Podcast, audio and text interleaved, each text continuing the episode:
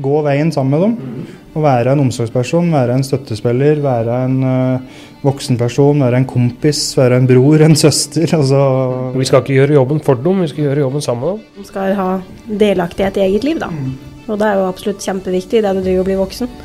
For uh, idet du blir 18, så er du jo på en måte voksen, men uh, vi skulle alle kanskje ønske, når vi ble 18, å ha en litt sånn kompis og støttesetter som har vært der før, da. Ikke være redd å stille ungene dine det spørsmålet. Eller gå og mistenke over lengre tid og bygge opp masse aggresjon eller uh, uvitenhet om hva som foregår om kvelden. Bare ta det med en gang. Du hører nå på Team Up podkast. Mitt navn er Espen Haug, og i et samarbeid med Team Up Helse AS har vi nå laga denne podkasten nettopp for deg. God fornøyelse.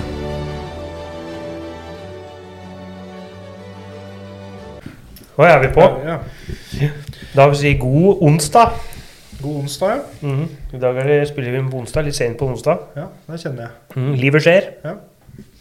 Espen har vært i Syden. Du kommer rett fra Gardermoen, det, Espen? Ja. Noen som har det?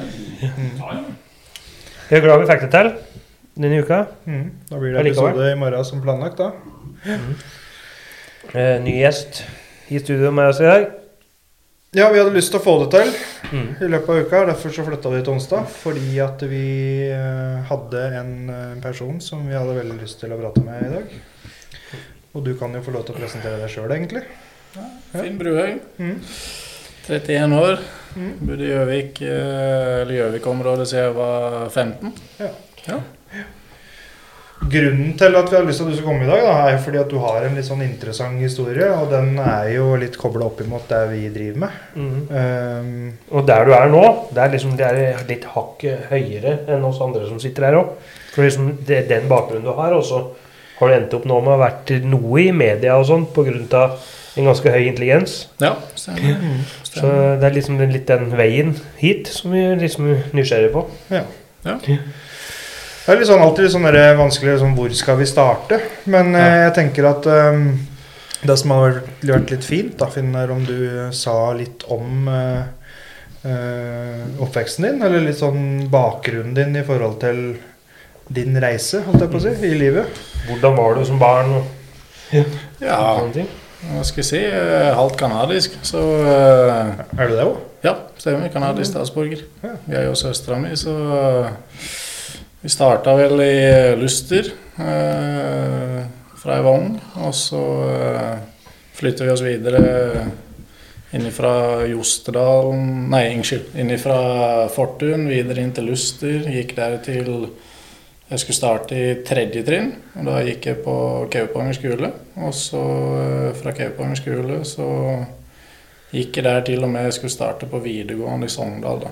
Og jeg har egentlig hatt eh, Jeg føler jo at eh, litt i den posisjonen jeg er i da, i forhold til arbeidet mitt med unger og sånn, så jeg er jo klar over at det er veldig mange som har forskjellige bakgrunner, og alle har sitt å stri med i familier og sånn, så kan vi si at eh, oppveksten min var ja, på lik linje med en del andre, kan jeg si, med sine uromomenter, sine utfordringer som alle andre. Men eh, Opp- og nedturer.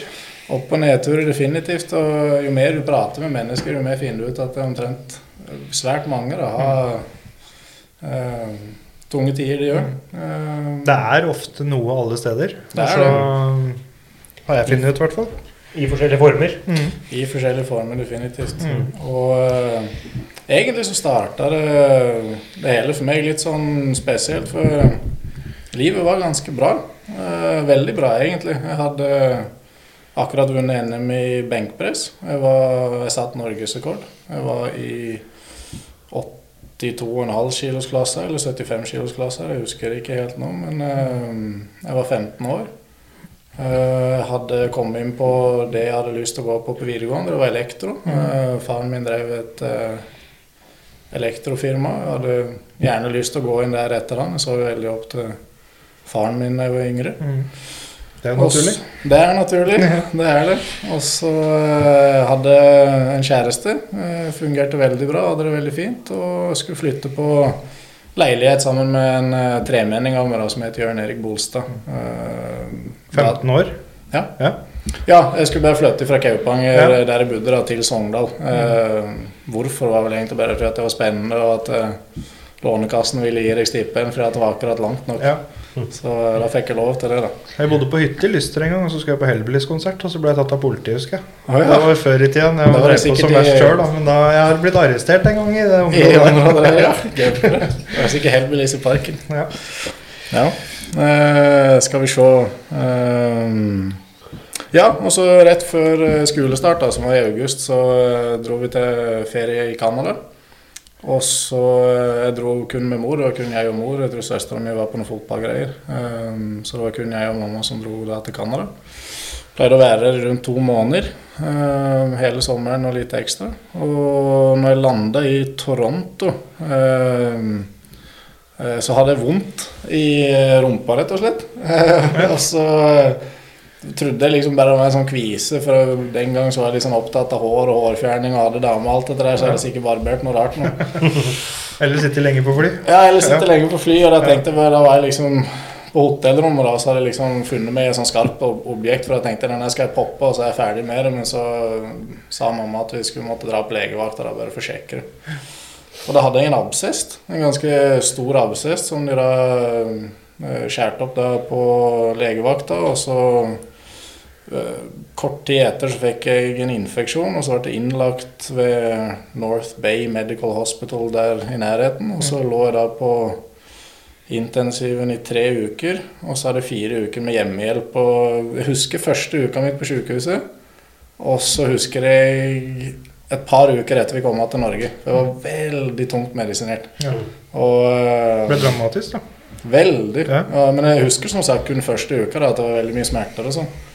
Ehm, men ehm, det var det som snudde det for meg. Uh, alle handlingene mine etter det, alt jeg gjorde etter det, er 100 min egen skyld. Jeg kan ikke laste verken noe medikamenter eller andre ting for det. Men det utløste en kjempestor endring. Mm. For um, idet jeg kom hjem fra Canada og da skulle flytte på eh, leilighet med kompisen min, så gikk det liksom bra kanskje første, andre uka på skolen. Så begynte jeg å ikke møte opp på skolen mer. Begynte å liksom kaldsvette litt på dagtid, hallusinere. Jeg var ute etter et sånt jag, eller skulle liksom skremme meg sjøl mest mulig. da. Eh, Få mest mulig adrenalinsjokk og sånn. Det eskalerte fryktelig fort. da. Var det nytt for deg, liksom? Eller Ja, ja, ja. ja, du hadde ikke kjent på det før, liksom? Nei eh, jeg, var nok ganske rampete på skolen, du kan si det. Ja. Eh, definitivt. Eh, men jeg klarte aldri sjakk. Jeg var liksom der jeg ville i livet. Jeg, jeg konkurrerte på et høyt nivå innenfor idretten min. Jeg hadde kjæreste. Jeg hadde kommet inn på et fag med ganske høyt snitt. Alt lå egentlig til rette. Egentlig til Ja. tross for ganske mye, da, så hadde jeg liksom klart å komme med dit jeg ville. Og så klarte jeg vel i løpet av den tida og seks, seks eller åtte uker så klarte jeg å dra på meg 27 forskjellige saker hos politiet. Oi. Ja. 27 forskjellige saker på seks uker. Jeg var 15 år. Vi hadde en Toyota Hiace vi hadde stjålet. Vi hadde et par motorsykler. Vi hadde en eh, Corolla vi hadde stjålet. Jeg tror hver annenhver dag så var vi innom og gjorde innbrudd på forskjellige steder og bare levde som Da har du vært aktiv. Jeg var veldig aktiv. Ja. Mm. Annenhver dag så sto det i Sogn Avis 'frekke tjuver' ditt og datt. Jeg har tatt vare på alle disse avisskriveriene hjemme bare for å kunne minnes om det. Men uh, jeg slutta på skolen, slo opp med kjæresten. uh, kom i veldig, veldig mye konflikter. Ble veldig voldelig og uh, ja, dro på med veldig mye da, på en veldig kort periode. Var du i en sånn type klikk, da, eller gjeng, eller var det en sånn guttegjeng av dere, eller var, Det- var det deg, eller var det Det kom jo opp i rettssaken, da. Og eh, den såkalte lederen, initiativtakeren, var meg. Mm. Jeg fikk med meg eh, en til, da. Altså han som jeg flyttet på leilighet med. Mm. Og selvfølgelig et par andre. De ble dømt for forskjellig heleri og sånn. De kjøpte jo ting av oss, ikke sant. Og, um, hvis vi f.eks. hadde vært innom en Statoil-stasjon, så kjøp, tok vi alt av tobakk og sånne ting. Og, men forskjellen på oss da var at vi alltid venta til politiet kom, for vi syntes den der eh, hvor de skulle jage oss, Mm. f.eks. gjennom skogen eller på en motorsykkel, det var kjempegøy. Mm. det var liksom et eh, poeng i å få de etter oss, da. Det er jo litt spesielt. Da har du en sånn drive på et eller annet, eller da søker du et eller annet som, eh, som kanskje ikke er eh, vanlige folk tenker eh, at de trenger. Ja, Mm. det var en drive. Og som 15 år å kjøre rundt i en bil overalt og gjøre det vi gjorde. da. Vi måtte jo overnatte på, i, i Jostedalen på en isbre, husker jeg, for vi var så høyt søkelys rundt oss. Uh, så vi måtte liksom sove der vi kunne og ja, belage. Og vi hadde en fryktelig solid kompisgjeng. da. Eh, selv om vi på en måte gjorde fryktelig mye dumt, så var de veldig lojale. Veldig lojale mennesker. Og eh, midt i dette der, eh, den perioden, så ble det en sånn voldelighet over meg som gjorde at Av en eller annen grunn så følte jeg at jeg skulle liksom redde verden. da. Og det høres kanskje rart ut i forhold til det å være voldelig, men jeg skulle jeg hadde noe imot absolutt alle som solgte rusmidler. Mm. Det var mye rusmidler i Sogn den gang. Det var mye snakking og eh, mange som var ufine med hverandre. Og jeg liksom tok på meg sjøl at jeg følte at jeg gjorde liksom samfunnet en tjeneste ved å finne disse personene. og skulle være superhelt, du. jeg skulle, I Ja. hodet mitt så var det. I hodet mitt så var det. Og da gikk jeg på en vendetta for å rett og slett finne alle disse menneskene, gjøre det jeg kunne for å skremme dem nok til at de aldri utførte. og Utførte sånne ting igjen. Solgte til yngre, ikke sant? solgte til venner av meg. Eller, og det var rus. Det var alltid rus. Det var liksom- imot rus, rett og slett. Sterkt imot rus. Ja. Per nå i hele mitt liv har jeg aldri prøvd en snus, aldri prøvd en røyk. Jeg drikker ikke. For Du beskriver jo en del hendelser nå som folk gjør i rusa tilstand. Eller det er jo Ja. sånn drive som du prater på der, eller sånn streak med streak. kriminalitet, holdt jeg på å si, er jo Ja. ofte folk som er på en sånn skikkelig bender på rus, og så drar de på seg 100 saker, holdt jeg på å si. Hadde du, hadde ingen kompiser der som rusa, det, rusa seg sånn da? Nei. Ingen er stilt Nei, øh, ikke da. Hæ? Ikke da. Det kommer seinere Mm. ut i livet. Eh, nei, det var veldig vanskelig for meg med mennesker eh, som rusa seg. Eh, og eh, hvis jeg skal spole veldig fram da, i forhold til dette der, så var det jo akkurat denne oppholdet i Canada da, som de leger i Norge og advokaten min mente utløste atferden min. Og mest sannsynlig så var det veldig mye fra barndommen min veldig mye fra opplevelser opp gjennom livet som lå latent bak meg, som jeg bare klarte å beherske sjøl. Fortrengt på et vis. Fortrengt, rett og slett. Og så fikk jeg utløp for alt dette der pga. at de kunne ikke fortsette medisinering av meg, og de fikk en lang liste av medikamenter. For jeg reagerte svært dårlig på mye av det jeg tok, og det gjorde at jeg- de medikamentene jeg ble satt på i Canada for smertelindring og alt dette her, de gikk over til bare Paracet i Norge. Så det var ikke noe nedtrapping, det var ikke noe sånn, det var fra å være helt borte til det her, og da mente de at det utløste abstinenser hos meg. Eh, Rett og slett som å ta et friskt menneske fra gata, pumpe den full av morfin og veldig sånn avhengighetsskapende oksykontin og Mm. veldig mye ting. Eh, og så deretter bare slippe den ut og se hva som skjer. Og se hva som skjer, var jo det jeg gjorde. Det slo veldig negativt ut. Mm. Eh, Du snakker jo om voldelighet og sånn så du er jo en bøs fyr. altså Du trener mye, du var norgesmester i sykeløftøvelse og liksom sånne ting. Så du hadde sikkert eh, Det gjør jo ting eh, hakket verre. Hvis du får med psyken og huet på det der i tillegg, så kan du gjøre en del skade. Det ble, det ble en del uh, skade, og jeg fikk et eh, veldig, veldig dårlig rykte i området. Eh, s- respektert og stor eh, blant de som ikke burde respektere meg, og frykta blant andre. Mm. Deg sjøl, da, for eksempel. For når jeg kom på Gjøvik, Mm. Og for eksempel eh, du gikk Jeg tror du gikk på tur en gang oppe i fengselet. Jeg vet ikke om det var du og Leander, eller om dere Mm. kjente hverandre. Mm. Eh, Tatovert i ansiktet, hadde med en diger hund og så tenkte fy flate, han er skummel type. Altså. Han må passe meg for da trente du, ikke sant. Ja. Så jeg husker bare den Jeg kjente ikke deg, men jeg, du fikk en form av respekt fra meg da, som Mm. Du ikke burde ha, Ja. men som du fikk. Det Og det var det jeg opplevde da jeg var yngre. Mm. Og det er også en litt sånn vanedannende følelse. Mm. Den der følelsen av Vi er jo lagd litt sånn. ja, vi, liksom, Hvis vi ser mennesker som har det uttrykket, eller, så skjer det noe i oss holdt jeg på å si, som fremkaller en eller annen sånn frykt eller Ja. respekt eller et eller annet. som Dessverre, da. Men sånn er det jo. det er. Og, det er jo ja. Og i det miljøet så spiller man jo ofte på det imaget. Ja. Det stemmer. Um, ja, jeg var veldig uh, Det var veldig mange som ville teste meg òg, akkurat pga. meditaminene. For så var det en del veldig veldig mye eldre enn meg da, som mm. ville teste og se om det var liksom noe tak i meg. da. Mm. Og eh, eh, Ja, jeg husker eh, I Sogn så hadde vi en som deg. Uh, Tatovert. eh, nå driver med MMA. eh, han heter Sondre. Jeg kan etternavnet òg, men det er jo ikke så relevant. Men eh, hvis man hadde søkt den opp, så hadde man sett omtrent eh, deg eh, i person. da. Eh, Lars, eh, for de som lurer. Eh, der nede. Og jeg husker jeg tok bussen. Midt i alt det der styret så tok jeg bussen. Eh, jeg skulle møte han eh, tremenningen min i Sogndal, da. Så jeg hadde ikke bil da. Eh, og da husker jeg jeg overhørte en samtale blant noen ungdommer foran i bussen. Og da var det samtale om hvem som skulle vinne i slåsskamp av eh, han Finn og han Sondre, husker jeg. Og da husker jeg, da, jeg husker samtalen, jeg husker hva de prata om. Jeg husker at jeg av en eller annen tullete grunn så ble jeg stolt. Ja. Liksom, det, var, det var stort for meg. Eh, En veldig rar Ja, periode i livet. det kan vi jo relatere oss til, tror jeg. Ja. Bygd sånn. Men følte du press på det? Altså Ble det sånn press? At du måtte prestere et eller annet innenfor dette der? Eller du måtte bevise noe, eller du måtte hevde deg, eller du måtte stå for det folk trodde, eller Etter hvert så ble det det. Ja. Uh, ubevisst og bevisst. Mm. Uh, det som skilte meg fra andre, var vel denne mangelen på evne til å tenke over konsekvenser. Mm. Uh, den brutaliteten, den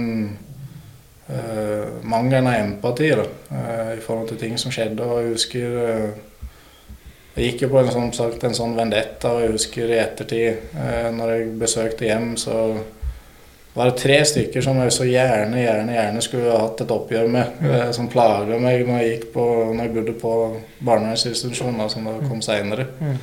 Og da husker jeg å prate med han søskenbarnet til disse tre karene, eller til i hvert fall en av de, og da sa han til meg men Det var på reunion, tiårsreunion med klassen, klassekameratene mine.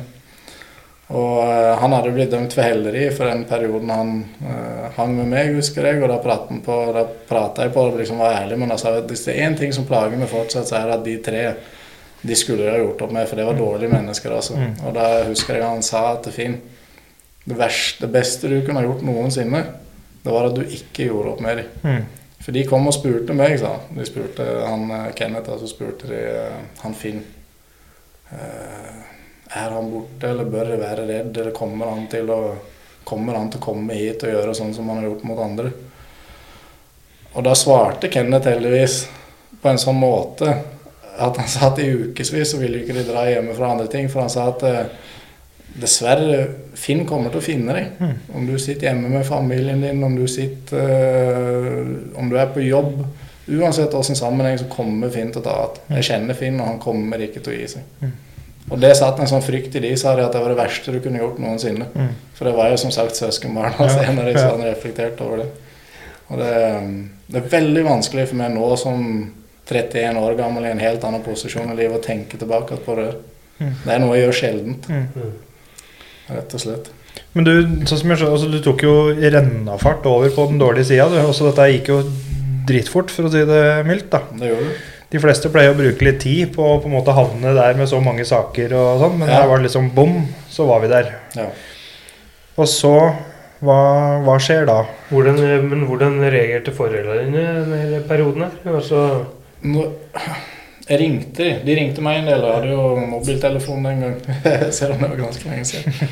Eh, de ringte meg, og jeg ringte de, og jeg sørga alltid for å si at jeg var glad i de, og at eh, eh, alt var bra med meg. Og de prøvde jo å sitte og fortelle meg at liksom ja, for du bodde ikke hjemme på den tida? Nei, nei, nei, nei, nei jeg kunne ikke det. Var, hver dag var på rømmen. Kunne liksom ikke være synlig. Um, Søstera mi gikk på høyskolen på barnevernspedagoglinja, husker jeg. og jeg hadde ikke sett henne på rundt en måneds tid, og hadde bare lest om meg i avisa. Så husker jeg um, Jeg ble tatt av politi uh, i kjellerleiligheten til en venn på natta.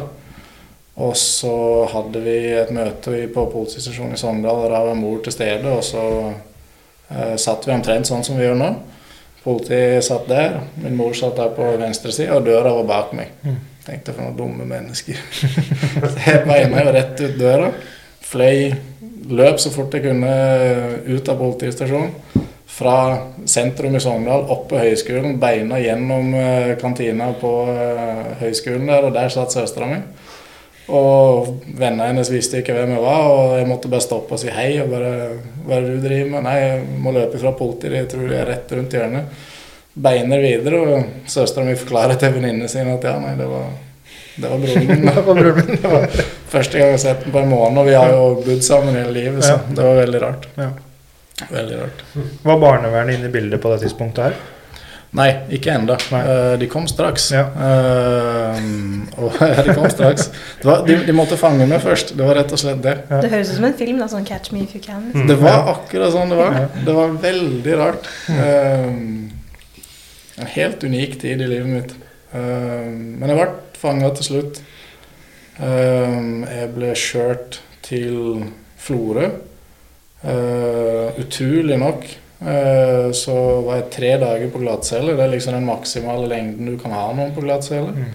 Jeg husker at hele turen fra Sogndal til Florø så måtte jeg opp med håndjern uh, bak i en politibil med to voksne menn. og det underlige midt i alt dette her var at jeg var like høflig, like snill. like... Politiet hadde ikke gjort meg noe vondt. Jeg hadde ikke noen intensjon om å gjøre noe mot de. Det var bare mot alle andre som jeg følte gjorde noe gærent i verden. da. Så jeg husker at de spurte over uh, walk-in sin og sa at jeg hadde ringt og prata og sa kan vi være snill ta, ta av gutten håndjern. Det sitter en 15-åring bak her, han oppfører seg kjempefint. Men da hørte jeg at svaret var at nei, uh, han er altfor voldelig til at jeg kan slippe ham løs. Og da, grunnen til at jeg var tre dager på glattcelle, var rett og slett at det var fryktelig vanskelig å finne en løsning på hva jeg skulle gjøre med meg. Jeg var for ung til å være i fengsel. Mm. De hadde ikke danna noe sak på meg. Mm. Barnevernet sleit veldig med å Hva finne, gjør vi med han fyren her, liksom? finne noen til å jobbe med med det. Og eh, kommunale barnevernsinstitusjoner nekta å ta imot Mm. meg, da. Eh, og da plutselig eh, Etter tre dager så var det ut, og så kjørte de meg tilbake til Sogndal. Og da var det en som het Bjørge Fedje. Eh, tidligere elite elitefotballkeeper. Altså han var, keeper for Sogndal fotball. Ja. Eh, litt sånn fotballnomade, gikk fra klubb til klubb, og jeg visste jo for så vidt hvem det var. Og jeg ble bare skjørt, jeg fikk veldig lite informasjon. Plutselig så står Børge i en Porsche Boxster, eh, og han skulle passe på meg. Og jeg skjønte ikke hva greia var med Han har jo ingenting med barnevern å gjøre, han, men han er sønnen til barnevernssjefen. da. Ja. Så han hadde tydeligvis fått på seg at han kunne liksom passe på meg.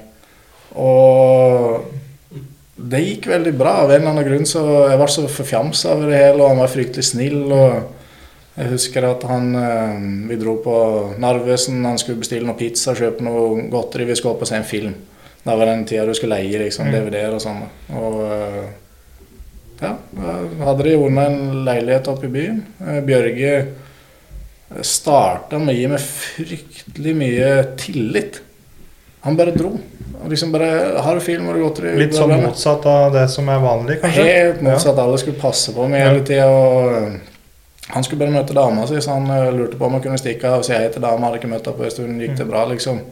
Inni meg så tenkte jeg herregud, skal du bare forlate meg? Jeg kan bare løpe av sted. Men jeg tror grunnen det at han ga meg tilliten, da, så hadde jeg ikke lyst til å bryte den. For han var en ordentlig kul fyr. Altså, han kom liksom Smart måte å jobbe sin- på, egentlig. ja, altså, liksom kom kjørende i den Porschen og imponerte meg. Jeg helt sånn, jeg har aldri sittet i en Porsche i mitt liv. Jeg synes dette var fryktelig spennende. Dette er litt sånn vi jobber òg, for vi, vi gir dem mye tillit. Ja, Og Jeg tror det gjør noe med folk, når du får det ansvaret og den tilliten. Bare, Relasjonen til- tillit Ja. som står sterkest hos oss. Ja. ja. For meg så bare ja.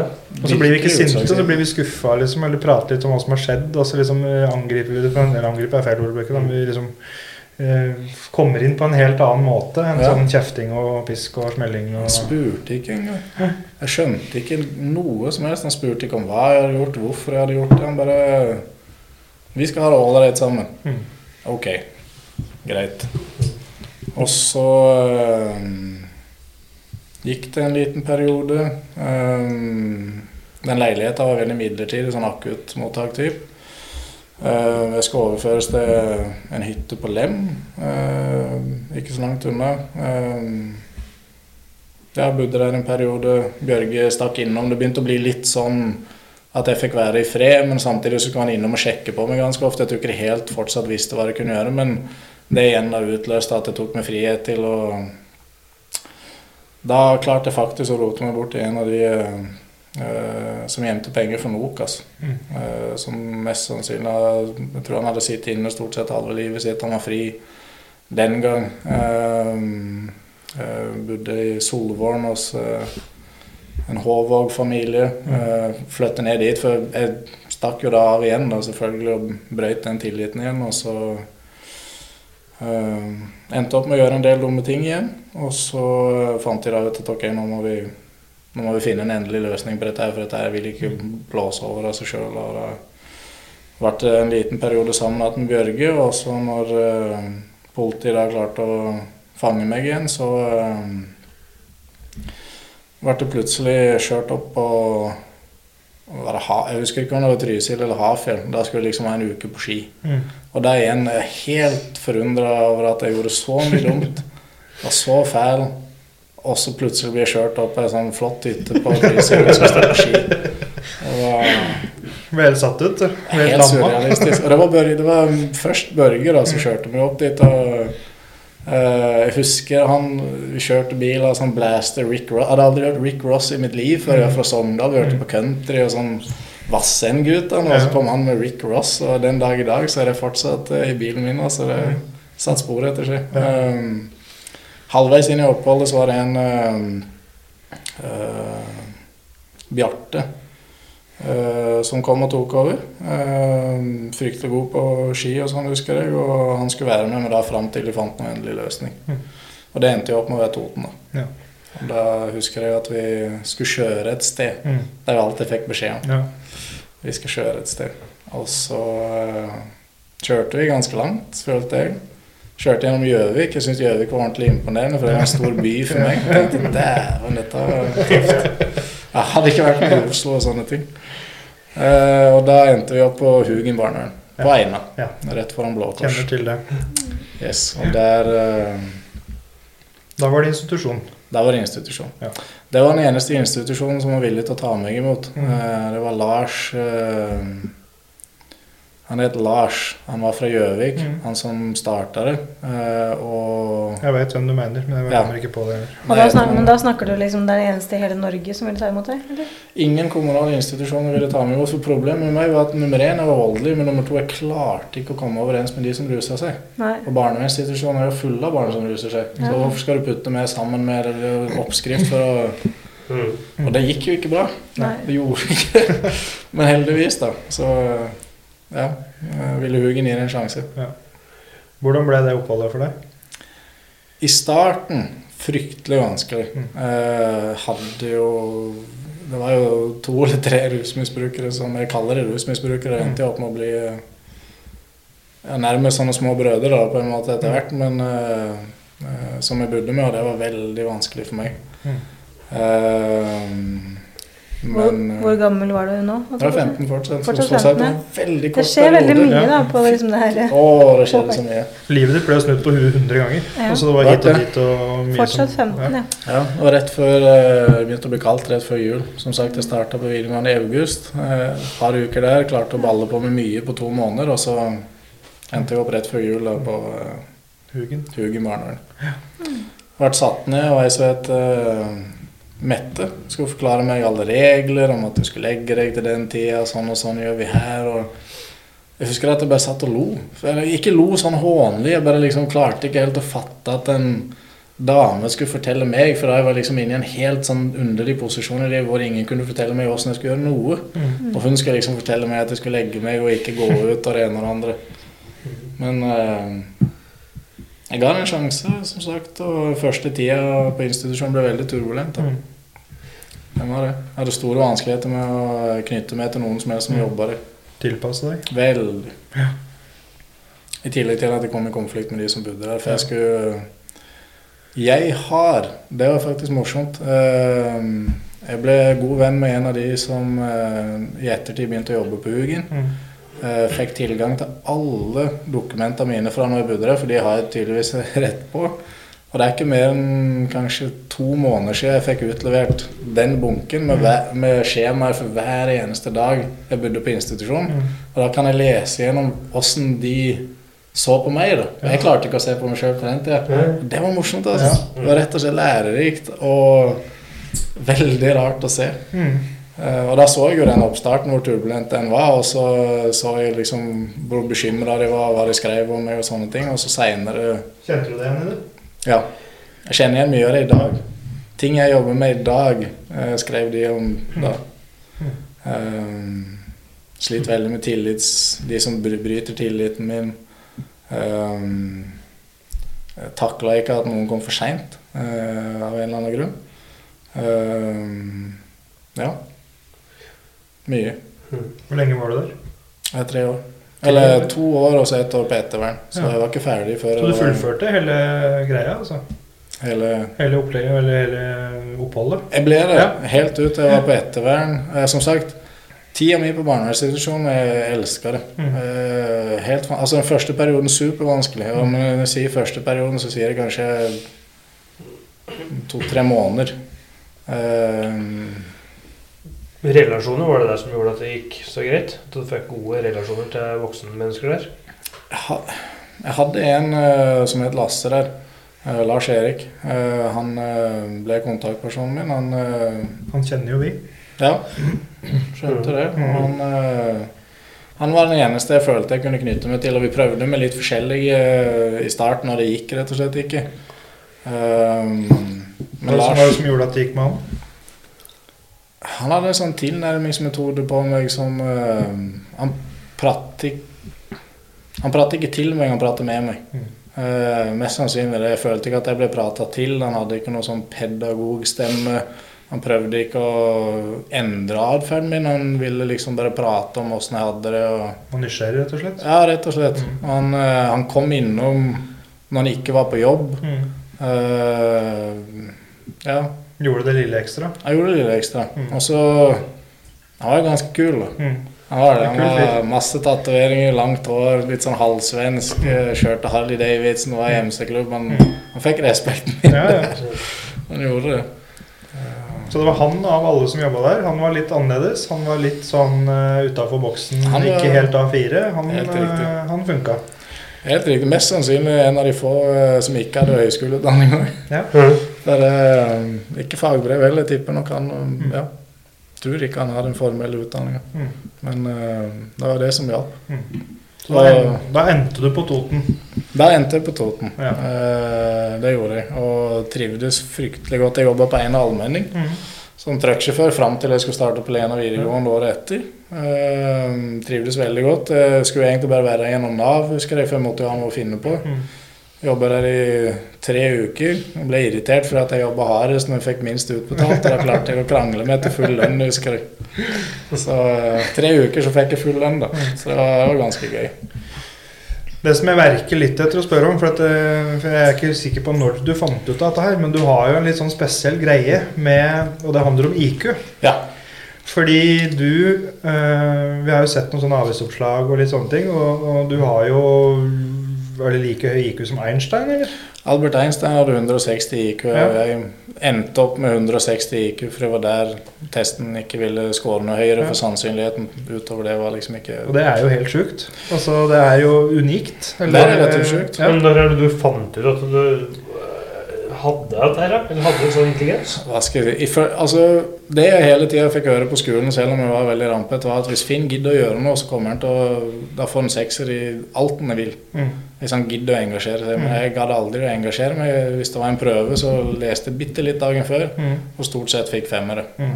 Um, jeg hadde en mor som til tross for alt alltid liksom sa at uansett hva jeg vil i livet, så får du det til, og at jeg var helt unik, sa hun da. Men det, alle mødre sier det. Mm. Alle barn er helt Ja, unike, så for meg så var det liksom ja, ja, flott det, men et menneske, jeg òg. Når er det du fant ut dette her, holdt jeg på å si? For å si det på den måten. Når er det, Ja. For du, på et eller annet tidspunkt så måtte du ha begynt å Ny, eh, bli forske på det?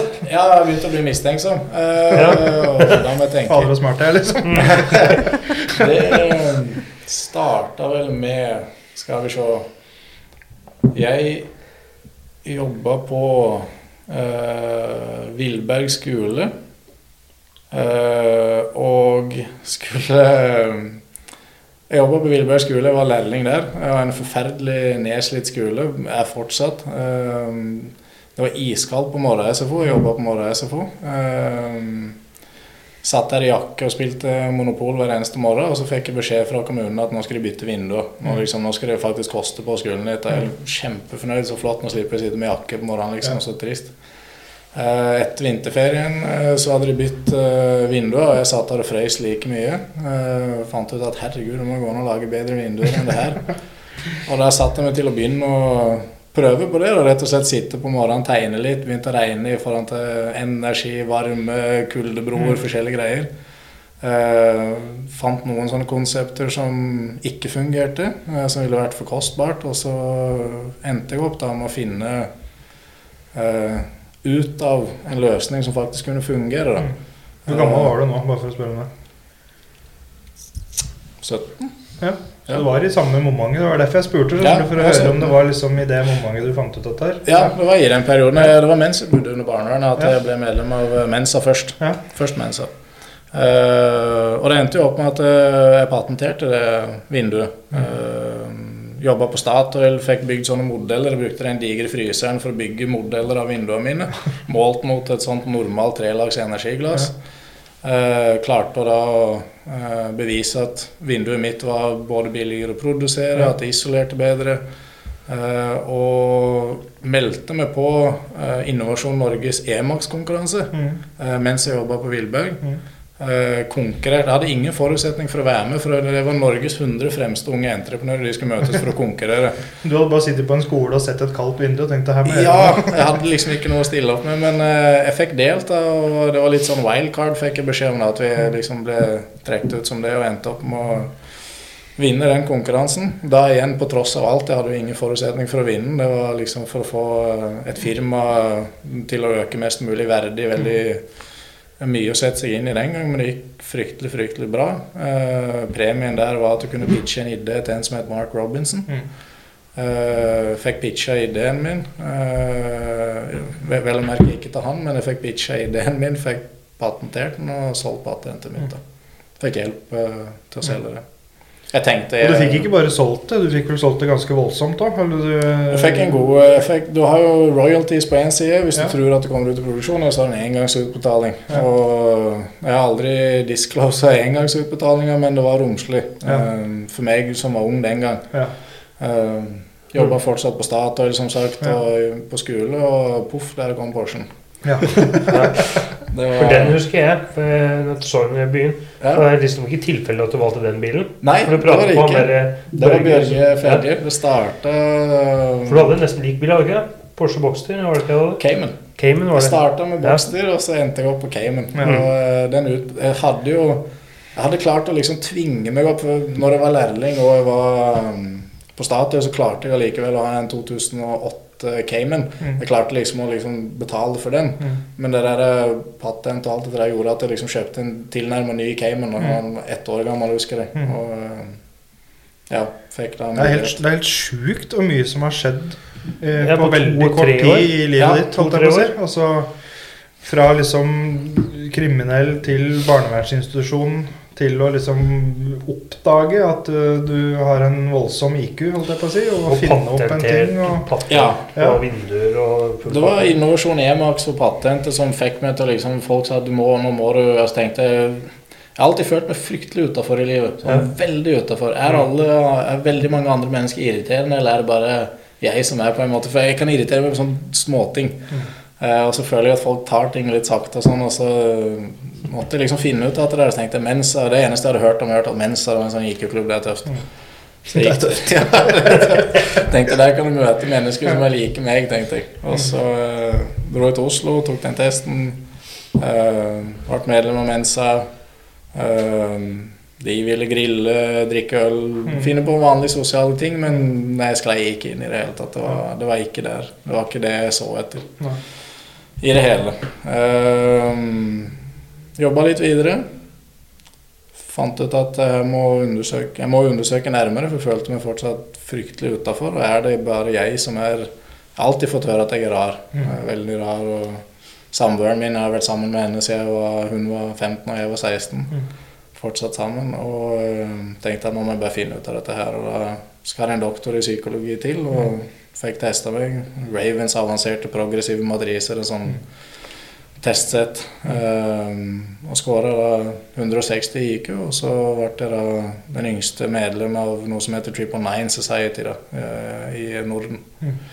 Den gang. Um, Det er ganske big deal. det var en ganske big deal. Ja. Det var spennende. Det åpna ganske mange dører for meg. Ja. Um, det gjorde det. Det gjorde det. Um, var Lever du av det patentet i dag, eller er- får du fortsatt det, Nei, det var en engangsutbetaling. Ja, det var en var det. Ja. det var en engangssum, men det gjorde at jeg fikk mulighet til å komme inn i boligmarkedet. Ja. Det gjorde det. Ja. Vi kjøpte oss, jeg og samboeren min kjøpte oss bolig til uh, stor ergrelse for familien vår. Så kjøpte vi oss bolig på eh, Skreia. Mm. Uh, jeg var fortsatt lærling, Ida var fortsatt lærling. Vi tjente 14 000-15 000 i måneden, husker jeg, og endte opp med å kjøpe oss et hus på Totenvika. Ja. Um, og det var mens vi bodde der at vi fikk den her uh, Mm. pa- patent og alt dette her. Og da plutselig så sa faren til samboeren min uh, at han uh, skulle selge boligen sin på Gjøvik. Det var ved Englandsjordet, den hadde tre leiligheter. uh, perfekt. rundt fire millioner, veldig mye på den tida. Mm. Men vi endte opp med å hasteselge huset vårt, kjøpe det, flytte inn der. Og balla seg på etter det, da. Mm. Rett og slett. For du har jo sånn der unik måte å tenke på. Jeg så dette det NRK-innslaget ditt. Så når du sitter på sånn rumba, så sa Ja. at du kan se sånne tavler eller noe. Ja, stemmer. Rar, jeg, Ja, kan du forklare litt åssen det er 160 IQ, holdt jeg på å si? Eller hvor, er, Vet du hva, her, er, det, hukommelse? Altså, er det å knekke koder? Er det matte? Er det, hva er det for noe? Det er ingen spørsmål på en sånn IQ-test. Det eh, Du skal rett og slett finne mønster. Tredimensjonale. Du skal vri det i forskjellige retninger. Du skal Mm. liksom Du har åtte svaralternativer. Du har Du skal liksom Så er det en som mangler, og så hvilken av de åtte er det som passer igjen? Du har fryktelig kort tid på å løse det. Mm. Jeg pleier å vise, demonstrere folk det ved at eh, jeg legger et veldig synlig objekt foran dem, Mm. og så eh, Ja, det blir litt som Kims lek. Mm. Ikke sant? La oss si at jeg har tre ting her nå. Du har en mikrofon, telefonen min og et glass. Mm. Og hvis du nå snur deg, lukker øya og så fjerner jeg glasset, så vil det være veldig lett for deg å si til meg at glasset er borte. Ja. Og så gjør jeg det med deg, og så snur du deg, og så snur du deg tilbake og sier ok, nå skal vi gjøre det en gang til. Mm. Og så fjerner det ingenting, og så snur du deg, og så står det lenger og ser nei, det er ingenting som er borte. Når jeg ser en sånn IQ-oppgave, Mm. så ser jeg med en gang at glasset er borte. Jeg kan ikke forklare hvorfor, det ble fryktelig lett for meg å se. Mm. Når alle andre ser på det, så ser de ingen forskjell. Mm. Det, det, vanligvis da, så er det bare blankt Ja. uh, på det nivået. Mm. Men for meg så bare ser du det. Og ehm, en veldig stygg forklaring på det, uh, hvis jeg skal være ærlig. Mm. Og nå, nå, Det her kommer til å høres veldig slemt ut, men uh, det er fakta. Hvis vi regner nå at alle rundt oss er gjennomsnittlig intellektuelle, at du sitter med 100 IQ Mm. Avstanden mellom meg og en gjennomsnittlig intellektuell La oss si hvordan jeg ser en gjennomsnittlig intellektuell bare, Dette er bare fakta, det er ikke min mening, det er ikke min, sånn jeg føler, men hvis du skal gå ut ifra tall Mm. Avstanden fra meg til dere er like stor avstand som det er fra dere til noen som er sterkt psykisk utviklingshemma. Mm. Fra 100 til 40, og fra 100 opp til 160. mm. Og da kan du tenke deg av og til, selv om det er litt rar måte å si det på, hvordan det er å leve Ja, alle rundt deg. Men er det slitsomt å være så smart? Det er det. Jo, men, det er det. jo, men også sånn i, i hverdagen, da. Jeg unner ingen. Nei. Men, er men sånn måten du ser på ting Har du sånn forskrudd eh, måte å se på ting? Altså om det er en, en bil, eller, eller om det var hva, hva som helst. Altså, de også analyserer Ja, alt det kommer over, liksom. omtrent alt. Ja. Omtrent alt. Og eh, har du sett eh, Alle har sikkert sett Big Bang TV? Ja, De vet å spydig sjelden her, ikke sant? Alltid sånn hånlig. Det var meg før. Det var liksom sånn jeg var som ung. Veldig vanskelig å like. veldig sånn der, eh. Hvis du sa noe feil her nå, eller i et familieselskap, eller liksom i liksom vennlig lag, så var jeg den idioten som skulle kommentere at nei, det stemmer ikke. Mm. Klarte ikke å holde kjeft. Kanskje jeg var jævlig smart. Nå er jeg, like, nå er jeg likegyldig. Men hvis du, hvis du løfter opp en vektstang fra gulvet, da liksom, tenker du da på at hvis jeg slipper den i nå, hvor fort detter den i bakken? Det er mitt eneste fristed. Ja. Det er enig. Mm. Ehm, den dag i dag eh, fortsatt så er det liksom Jeg har aldri Folk roser meg for å fortsatt trene og alt dette her og liksom holde meg i form og alt det der, men for meg så har det aldri vært Jeg har aldri måttet motivere meg sjøl til å dra på trening. Det er, for meg så er Jeg elsker det. Jeg har aldri liksom vært sli, for sliten til å trene om det er 11 på natta eller om det er hva det er, så drar jeg hver eneste dag. Fortsatt. Og øh, det er fristedet mitt, rett og slett. Det er det jeg ikke tenker, og det er helt fantastisk. Det var bare et eksempel da, på hvordan hjernen din kan fungere. Om det er sånn du ser på ting. At, Det er sånn jeg ser på ting, og øh, jeg kan legge ting i huskeboksen min. Jeg kan, jeg kan utregne noe som i det intervjuet hvor jeg kan på en måte Jeg kan være veldig dypt inni noe og bare legge det bak meg, og så plukke det opp igjen seinere. For jeg lagrer det på en måte. Og det, det er litt underlig. Men er det, er det grobunn for å liksom uh, gå rundt med en sånn konstant frustrasjon over folk? Det var det. Ja. Før. Ja. Og stakkars samboeren min, Ja. Ida. Uh, det har ikke vært lett alltid. Eh, Vært sammen lenge, dere? da? ja 14 år. Du er, jo, du er jo et vandrende eksempel da, på hva man kan utrette i livet fra en turbulent bakgrunn. Ja.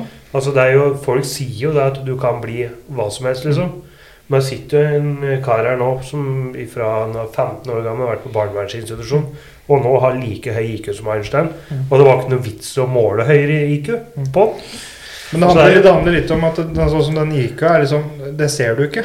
Altså, jeg kan ikke se på deg at du har 160. Altså, jeg kan ikke liksom Han der har 160 IQ. Det går ikke an. Nei. Og samme er i forhold til alle de ungdomma vi jobber med, f.eks. eksempel Det er ingen som ser de ressursene de innehar.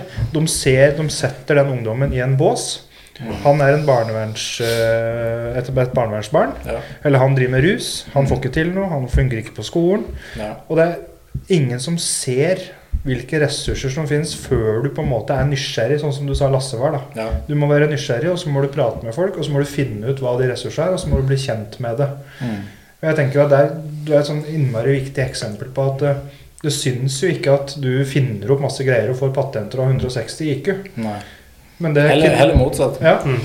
Litt tatovert, litt muskuløs. Det er Ja. liksom helt motsatt. Ja. Eh, men du peker på en veldig viktig ting der, for jeg gikk jo på skole. Mm.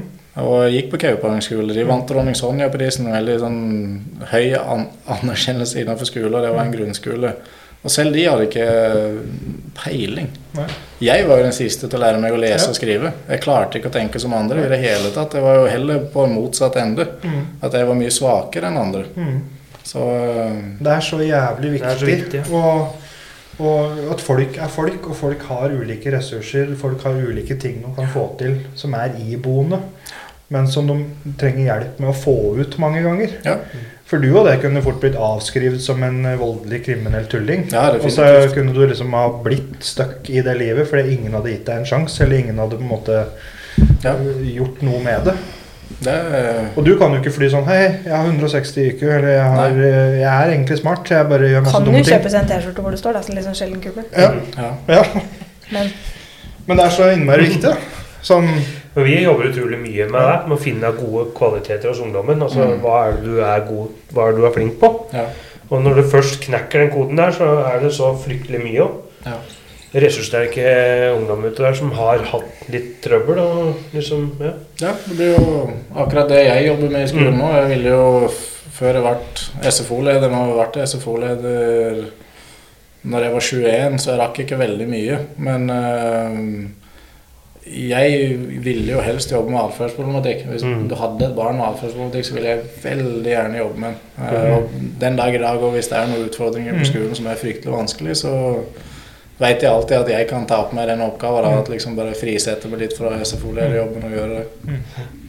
Vi Jeg synes jobber fortsatt i SFO. Ja, fortsatt fortsatt SFO-leder. og Jeg skal være det til sønnen min går i tredje. Mm. Det er bestemt etter det, så er det adios ferdig for meg. Men eh, jeg har lyst til å være der av eh, egoistiske grunner til eh, den yngste sønnen min går i tredje. For jeg jobber på Gjøvik skole. Jeg jobber veldig hardt for å etablere meg i skolekretsen til Gjøvik skole. I eh, Gjøvik sentrum her. Og nå går jeg yngst, Eldstemannen min går jo på skolen nå. Og jeg syns det er helt fantastisk, for jeg får masse tid med dem. og Ja, ja. Jeg må jo si det, for det er liksom kult. Altså, jeg er jo ikke opptatt av liksom goder og penger og sånn, eh, men det er liksom kontrasten i dette her, da. Ja. For du, du kommer fra det du kommer fra. Og så driver du og bygger deg sånn jeg må jo si, en vanvittig bolig ute i Gjøvik her, og du kjører rundt i Porsche i dag. Men så jobber du med barn på SFO. En Mm. helt eh, vanlig jobb, holdt jeg på å si. Ja, det er en helt vanlig jobb. Ja. Og det er litt sånn kult liksom det engasjementet for mennesker å ikke glemme seg sjøl eller hvor en kommer ifra, men samtidig eh, lykkes Mm. eh, på tross av Mm. eh, utfordringer og oppvekst. utenfor jobb, liksom.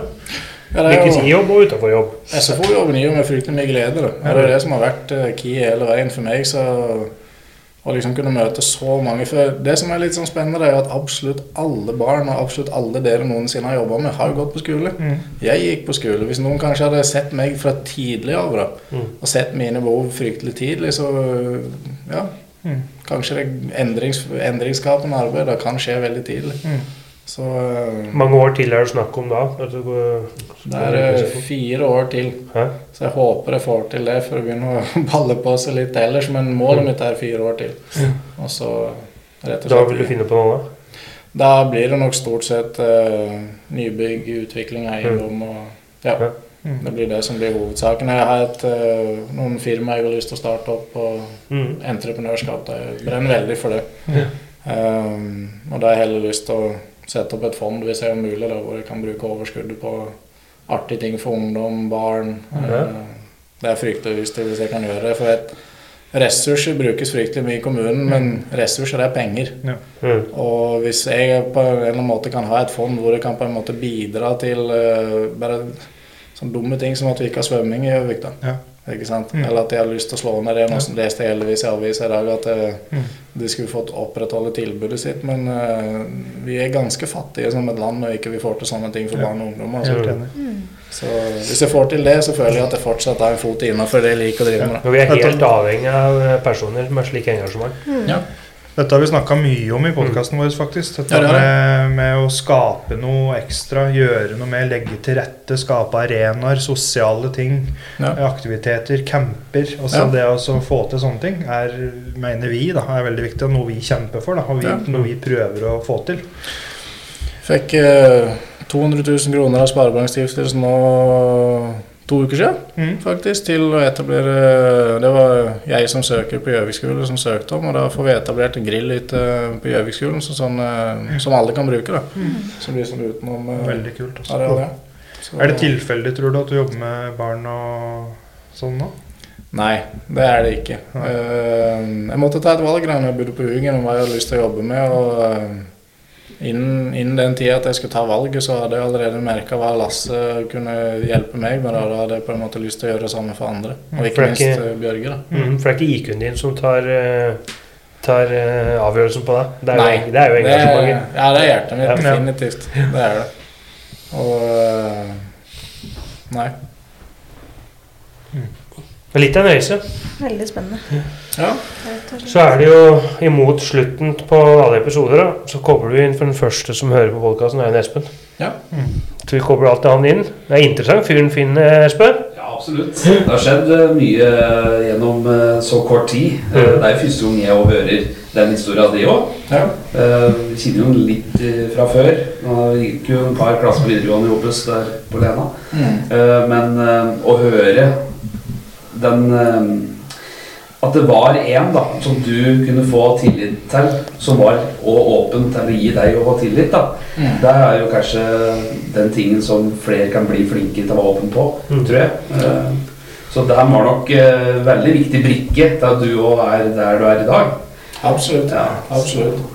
Så, så der ser en jo at hvis en, er, eh, hvis en gjør litt, så er det mye for noen. Mm. Så vi får bare fortsette med det, tror jeg.